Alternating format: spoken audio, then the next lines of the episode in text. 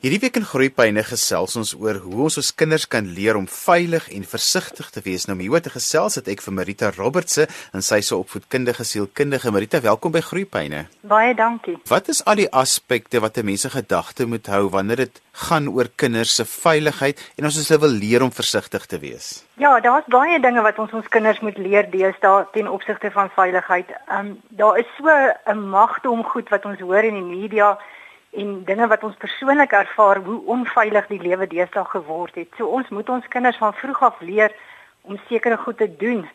Een van die aspekte wat bitter belangrik is, is hulle moet byvoorbeeld altyd weet waar is hulle veilige hawe. Na wie toe kan hulle draai as hulle in onveilige omstandighede is? Dit is vir my baie belangrik dat 'n kind dit weet. Hoe leer 'n mens dit vir 'n kind want ehm um, kinders dit dit mense neem dit baie keer as van selfsprekend aan en as kom jy tot jou skok agter maar hulle weet nie. Ja, mens sal aanneem dat dat ouers die eerste veilige hawe is, maar kinders kan nie altyd hulle ouers um bereik as hulle as hulle in onveilige situasies is nie. Um dit is belangrik dat kinders byvoorbeeld toegang moet hê tot byvoorbeeld 'n nommer, 'n veilige nommer of 'n veilige persoon um wat hulle kan kontak as hulle in in 'n moeilike situasie is. Baie van hierdie goeders is mos nou ouderdom spesifiek. So kom ons praat 'n bietjie as dit van 'n van baie klein tot en met tieners want ek dink 'n bietjie hoe ouer hulle word, hoe groter uitdaging raak dit dat hulle sal hou daarbey, maar dit is tog ehm um, mens moet dit tog mos maar ouderdom spesifiek maak. Ja, ehm um, kyk as 'n kind nou natuurlik uit die aard van die saak baie klein is en hy is dan nou in iemand se sorg, kom ons sê nou maar by die kleuterskool of so aan. Ehm um, of by 'n naskoolsentrum um, op op laerskoolvlak dat dat die skool of die of die kleuterskool of die persoon wat die kind oppas dan nou die persoon sal wees na die kind na wie die kind eers te draai vir veiligheid. En dan um, hoe ouer die kind word um, hoe groter word sy selfstandigheid met ander woorde eintlik en dan kan hy self byvoorbeeld 'n selfoonnommer by hom hê om sy ouers of 'n selfoon het om sy ouers te kontak met 'n nommer wat hulle bereikbaar is as hy hy of sy in 'n onveilige situasie is ja, dit is definitief ouderdom relevant natuurlik. Kom ons gee so 'n paar wenke vir ouers oor om om die begrip van veiligheid by kinders tuis te bring van wat is die verskil tussen onveilig en veilig vir kinders? Dis eintlik 'n verskriklike fyn lyn um tussen wat wat veilig is en onveilig is want as ons alle situasies aan die kind voorhou asof dit 'n onveilige situasie is dan maak ons eintlik van hulle bang kinders. Om ons moet hulle leer om om ook onafhanklik te kan wees en te kan um waag in die wêreld en 'n waaghouding te leer. Um want nie alles is regtig onveilig wat wat ek as onveilig kan beskou kan 'n ander ma dalk as nie onveilig beskou nie. Met ander woorde as mense eenvoudige ding vat soos soos om boom te klim. Vir party ma's is dit 'n groot nee nee want al wat hulle sien is is die kind gaan uit die boom uitval. En 'n ander ma sal weer die kind aanmoedig om te klim en um wenke te gee oor hoe om veilig die boom te klim. Jy weet, hou vas in hierdie tak, trap op daai tak. Ehm um, so ja, dit dit hang maar af van situasie tot situasie van wat is veilig en wat is onveilig vir party mense. Ek dink die groot uitdaging vir ouers is om nou as wat ek altyd noem om nie 'n helikopterouer te wees nie wat die heeltyd rondom die kinders sirkel nie, maar nou die media het soveel baie berig die laaste ruk ook selfs oor kinders wat weggeraak het of kinders wat selfs dood is binne die sorg van iemand wat hulle vertrou het of geken het. Dis waar. Jy weet, mens kan baie maklike oorbeskermde ouer wees. Um en 'n oorbeskermde ouer is eintlik ook nie goed vir sy kind nie, want jy dra jou angstigheid dan oor aan daai kind en daai kind kan dan met ander woorde in geen situasie veilig voel nie want hy is heeltyd so bewus van die moontlike gevare wat daar is. Um dit is moeilik in ons omstandighede waarin ons lewe in die samelewing en soos ek sê die media dra baie daartoe by dat ons so fokus op onveilige goed. Maar mens moet nogal jou persepsie kan behou, dink ek, want alles is nie altyd onveilig nie. Mens mens moet maar in vertroue ook lewe dat mense in wie se sorg jy jou kind byvoorbeeld los is nie altyd slegte mense. En daai persepsie is baie belangrik. Jou eie persepsie is baie belangrik want jy dra dit oor aan jou kind. En as jy heeltyd dink alles is onveilig, dan maak jy van jou kind 'n angstige kind. As ek nou agterkom dat ek dalk so klein bietjie van 'n helikopter ouer is en ek draai die angstigheid oor aan my kind, hoe kan ek daar verbykom? Hoe kan ek dit hanteer? Ek dink as jy as jy jouself bemagtig, ehm um, met met veiligheidsaspekte soos ek gesê het, ehm um, in realiteit behou en noodplanne in werking het daai goeder sal sal ehm um, bydra daartoe dat jou angstigheid verminder. As jy as jy goed in plek het, soos byvoorbeeld uh ondersteuningssisteme, volgende telefoonnommer, 'n veilige plek byvoorbeeld net in die huis, jy weet 'n veilige area in die huis um waar 'n mens kan skuil as jy onveilig voel die die um beskikbaarheid wat jy het om byvoorbeeld by 'n telefoonlyn uit te kom of 'n paniekknopjie uit te kom of so en daai goeders kan kan help sodat jou eie veiligheid of dat jy gemakliker voel oor jou veiligheid dat jy nie so bedreig voel en dan uit die aard van die saak angstig voel nie met ander woorde hoe meer weerloos jy is hoe onveiliger voel jy en hoe angstiger word jy dan. Hoe hanteer ek dit as ek my kind sê wees versigtig, wees versigtig, maar my kinders sê altyd vir jou, ehm um, moenie so oorbeskermend wees nie. Ek is ek is streetwise. Ek weet wat ek doen. Ek sal uitkyk vir my eie veiligheid, maar jy as 'n ouer het mos nou maar altyd daai angs in die hart van sal my kind veilig wees. Ja, nee, dis verseker so. Hulle hulle is mos, hulle dink mos hulle streetwise. En uh, um, ek dink nie dis belangrik dat mense maar gereeld praat daaroor. 'n Mens kry mos 'n kind wat sal sê ja, maar maar ek hopelik gaan daai boodskappe iewers lê sodat daai kind ehm um, wel in sy onderbewuste maar heeltemal bewus is daarvan van wat is die veilige goed wat hy moet doen. Ehm um, 'n mens moet maar net voortdurend daaroor praat. Ek dink nie mens moet net ehm um, onttrek nie. Um, jy kan nie onttrek nie. Jy moet jou kind veilig maak en en, en maar geduld hê met jou kind se se houding van streetwise wees. Um, hulle sal hopelik op 'n stadium dan agterkom maar hulle het al hierdie goeie raad van hulle ouers nodig. Hoe gesels ek met so 'n kind want um, dis vir baie ouers tog 'n frustrasie want dit voel vir hulle of hulle nie deurdring tot die kind om te sê maar hierdie is onveilige situasies nie. Um, ek sou sê uh, weer eens met met maar net aanhou. Ja, ja. Hou maar net aangesels sonder om nou prekerig of negerig te klink, maar om op 'n veilige, realistiese manier, op 'n ordentlike manier met jou kind te gesels oor oor onderwerpe. Soos as daar byvoorbeeld in die media uh, 'n spesifieke ding gebeur het wat nou uit die aard van die saak baie publisiteit kry en ook negatiewe publisiteit kry. Dit te gebruik om dit in perspektief te stel, nie om die kind bang te praat nie, want weer eens sê ek daar's 'n baie fyn lyn tussen tussen oorbeskermend en beskermend wees om jou kind bang en angstig te maak, maar om om eerder um weerbaar te maak om te gesels oor sulke situasies, om te sê wat dink jy sou 'n goeie goeie um manier gewees het om om uit hierdie situasie uit te kom of wat dink jy kon jy gedoen het en dit in 'n gespreksvorm te hou sonder om jou eie angstigheid oor te dra dat die dat die kind kan agterkom maar hierdie is verskriklike goed wat gebeur en 'n mens kan eintlik nie um in die lewe vooruit lewe omdat daar heeltyd sulke tipe van goed gebeur.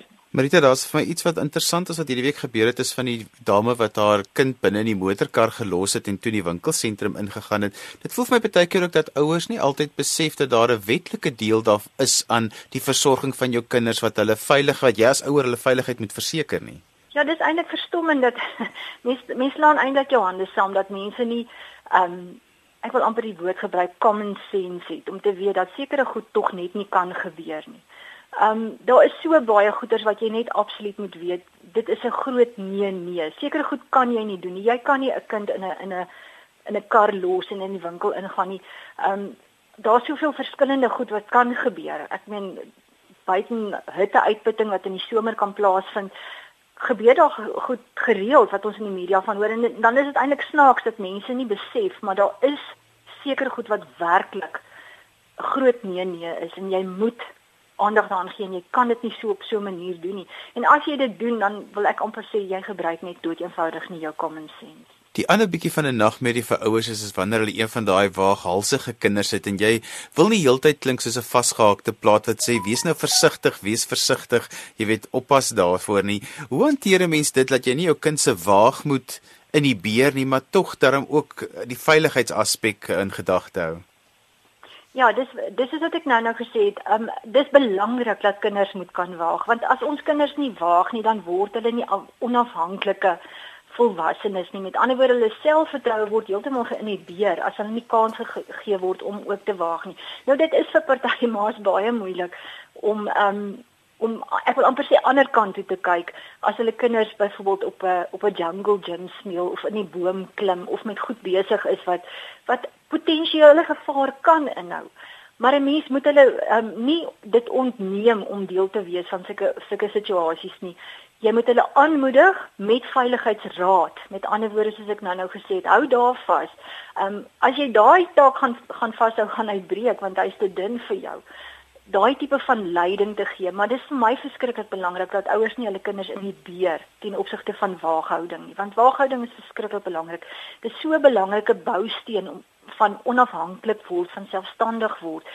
Ehm um, dit het selfs 'n verskriklike groot ehm um, impak op op kreatiwiteit op die ou einde want die kind kry nie kans om homself uit te leef nie want hy word heeltemal beperk ten opsigte van van sulke waaghouding situasies. My volgende gas is Monique Strydom en ons praat vandag oor kinderveiligheid. Monique, jy's betrokke by 'n nie-regeringsorganisasie wat ongelooflike werk doen oor kinderveiligheid. Vertel gou kortliks vir ons daarvan. Ja, weet jy, ons fokus um, ek is vir 'n Matla by Matla Abana, a Voice Against Child Abuse. So ons fokus is um, om um, ondersteuningsdienste vir kinders te gee as hulle sake aanmeld. Um, maar in die afgelope paar jaar het ons ook uitgebrei nou um, na um, voorkomende aksies, jy weet, soos om na skole toe gaan en met kinders te praat oor hoe om aan te meld. Ons het byvoorbeeld hierdie 'n hele projek gehad oor bullying en hoe gevaarlik bullying is. So ehm um, en en ons is natuurlik 'n stem vir kinders. So ons probeer uh, sover as wat ons kan ehm um, vir die kinders kinders wat nie praat nie 'n stem te gee. Monique, baie ouers is nie regtig seker oor watter aspekte van kinderveiligheid word deur die polisie hanteer nie. Ja, weet jy, um, die polisie het die uh, eh, GKS eenhede wat die gesinsgeweld, kinderbeskermings en seksuele oortredings eenheid is. En um, hulle fokus baie sterk op op seksuele misdrywe teen kinders. Um, en dit sluit natuurlik in pornografie. Um, jy weet kinderpornografie ook, pedofilia, ehm um, moorde teenoor kinders, ehm um, veral daar waar seksuele oortredings is en natuurlik nie net kinders nie, dit sluit volwassenes in mans en vrouens, seuns en dogters. Ehm um, so dis daai afdeling van die polisie ehm um, wat jy ehm um, mee moet praat as jy daar 'n vermoede is dat 'n kind ehm um, seksueel gemolesteer word. Want dit bring my by my volgende vraag: in watter situasies is 'n mens verplig om dit aan te meld by die polisie? Weet jy as 'n wet en ek ek weet nie wat die wet se ehm um, se presiese benaming is nie, maar daar's 'n wet wat sê as jy daar 'n vermoede is dat 'n kind seksueel um, mishandel of gemolesteer word, verkrag word, wat ook al die situasie, dat jy dit moet gaan aanmeld en dit is 'n uh, onus wat baie sterker is op um, mense wat in die bedryf van soos onderwys staan. Ehm um, ek dink veral aan kerke, jy weet waar daar ehm um, by, die ehm um, die kerkskole, die sonndagskole of daar waar terapiedienste gedoen word. Ehm um, of by sielkundige self. Ehm um, die oomblik as 'n kind aan jou openbaar dat daar so 'n oortreding is teen die kind, dan dan is dit jou plig om dit te gaan aanmeld. Hoe werk dit as 'n mens so 'n saak aanmeld want die meeste mense is maar effens skrikkerig en dan hulle weet daar gaan 'n klomp gevolge kom sodra mens so iets aanhangig maak. Ja, weet jy die, die, die meeste mense wil nie aanmeld nie, um, want hulle sê hulle wil nie hulle kind daardeur sit nie. Dit is 'n baie gevaarlike situasie want ons het regtig al 'n geval gehad waar uh, 'n mamma by 'n kleuterskool nie aangemeld het en 3 jaar later toe hoor sy daar word nog kinders verkragt by die kleuterskool. En toe sal baie baie skade gedoen en ehm um, sy het gedoog haar seentjies okay en toe hulle begin praat hoekom hulle agter my seentjies nie regtig okay nie en dat hy ook eintlik wou gehad het dan moet regverdigheid plaasvind selfs op daai jong ouderdom. Ehm um, dit dit is nie 'n maklike proses nie, dit kan ek definitief sê, maar dan moet ek aan die ander kant sê die die mense by hierdie polisie eenhede is regtig mense wat opgelei is en wat wil help. So die eerste ding wat 'n mens moet doen is jy moet um, ongelukkig na jou naaste polisiestasie toe gaan na die die die geluk daaraan verbonde is jy hoef nie die kind saam te vat nie jy kan net gaan 'n verklaring gaan aflê um, en dan sal hulle vir jou 'n nommer gee en dan bel hulle dit deur na die die GKS eenheid toe. En van daar af sal die GKS eenheid dan dan die saak verder vat en die ondersoek doen en die verklaring by die kind vat. So mense wil ook hê dat die kind so min as moontlik met met uh, mense praat. Jy wil nie hê dat die die polisiebeampte die vyfde ou is wat die storie hoor nie ehm um, ehm um, jy wil hê want die kindertjies laat hulle raak moeg, hulle wil later nie meer praat nie. So jy wil maar so vinnig as moontlik by die regte mense by die polisie uitkom dat die kind dan aan die regte persone die verklaring gee. Monique, wat is die moets en die moenies by so 'n aanmeldingsproses? Weet jy ons sê maar altyd ehm um, baie mense so geskok, jy weet dis dis 'n reaksie wat algemeen gebeur is. Oh, dit kan nie waar wees nie weet of as 'n kind vir 'n ma sê ma pappa dit gedoen as sê maar oh, dis onmoontlik weet en dit is net baie keer net 'n natuurlike reaksie so mense moet jou nooit uitspreek oor wat die kind sê nie jy moet ook nooit woorde in die kind se mond lê nie. Ons het al weet van situasies waar kinders in 'n traumakamer goed in hulle mond gelê is en toe ehm um, dis die saak later uit die hof uit gegooi en ehm um, mens nie 'n boei daaroor maak nie. Weet jy, moet nou nie kwaad raak en iemand wil gaan slaan nie. Die beste is nou maar net om die kind so vinnig as moontlik by die regte mense te kry. En dan wat ek altyd sê is ehm um, moet nooit die kind se woord in twyfel trek nie. Ehm um, dit, dit is nou maar ongelukkig in ons land die oues onskuldig tot hy skuldig bewys is wat beteken die kind is dan nou eintlik skuldig tot tot sy onskuldig bewys is as dit mens so kan stel. So ek ek sê liewes wees liewers bang Jan as dooie Jan as dit by so iets kom. Ehm um, daar da kan baie reperkusies wees en en dit kan heel moontlik nie aangenaam wees as jy nou iemand gaan beskuldig of iemand beskuldig word wat jy goed ken nie. Maar dit is absoluut absoluut die moeite werd ehm um, as dit wel die waarheid is en 'n kind se lewe ehm um, en sy toekoms is in gevaar. Is die beampte wat met die kind gaan werk opgelei om dit met sensitiwiteit te doen want daar is al klaar soveel seer by so 'n kind. Mense wil hulle nie eintlik nog verder blootstel aan 'n hele proses nie, maar dit is seker onvermydelik. Ja, weet jy, dit is maar ongelukkig so ons het nie 'n simpatieke rapporteringsstelsel nie, ehm um, soos met baie plekke in die wêreld. Ehm um, ek kan net weer eens sê ons projek fokus daarop om daai aanmelding ehm um, so maklik as moontlik te maak. So wat ons doen is ons sit byvoorbeeld 'n kindervriendelike fasiliteite in met 'n kinder kinderkamer waar die kind na toe gaan. Ons gee daai noodpakkies as die kind inkom, dan kry hulle 'n noodpakkie en dan moet mens nou maar net die stelsel vertrou. Weet jy, die die ehm um, die polisiebeamptes wat met hierdie sake werk, is spesifiek opgelei om met hierdie tipe sake te werk. Hulle werk elke dag daarmee. Hulle is regtig toegewyde mense want dit is dis 'n verskriklike plek om te werk. So die mense wat daar is is is mense wat daar wil wees en wat 'n verskil wil maak. Ehm um, en En by daai eenhede het hulle ook uh, forensiese maatskaplike werksters. Weet jy daai werkster sal byvoorbeeld 'n kind vat en sy sal is 'n paar sessies uh, dikwels met die kind voer. Ehm um, as die kind nou nie wil praat nie of ehm um, daar's vraagtekens oor die kind se getuie en hulle is fantastiese mense. Hulle is uh, opgeleide maatskaplike werksters.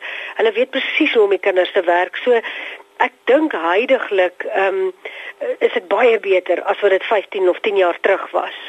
Ehm um, en soos ek sê mense moet net die stelsel vertrou. Ons werk saam met die aanklaers. Daar's regtig mense wat die mense wat in die seksuele howe of oortredingshowe werk is regtig mense wat daar is omdat hulle 'n verskil wil maak. Monique baie keer het 'n mens net 'n vermoede dat 'n kind word molesteer. Jy het nie bewyse nie. Jy jy's nie doodseker nie, maar jy het 'n vermoede. Hoe hanteer 'n mens dit? Weet jy, um, mens moet maar die kind kry om te praat.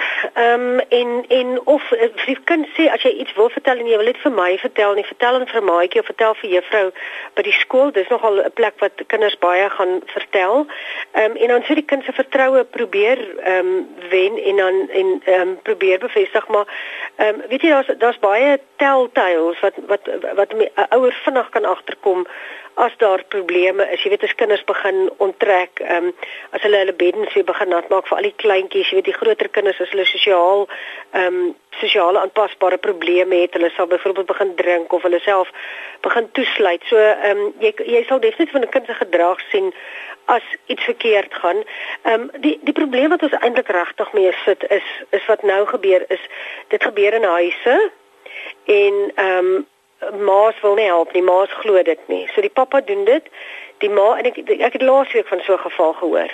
En nou is die kinders uh, die tannie het gaan praat en nou is die kinders heeltemal verwyder van die res van die familie en dit is nou 'n wesenlike probleem want ehm um, die die mishandeling vind definitief plaas maar omdat hulle nie met die kinders kan praat nie en omdat die ma nou toegang weier ehm um, raak dit verskriklik moeilik om om in te tree.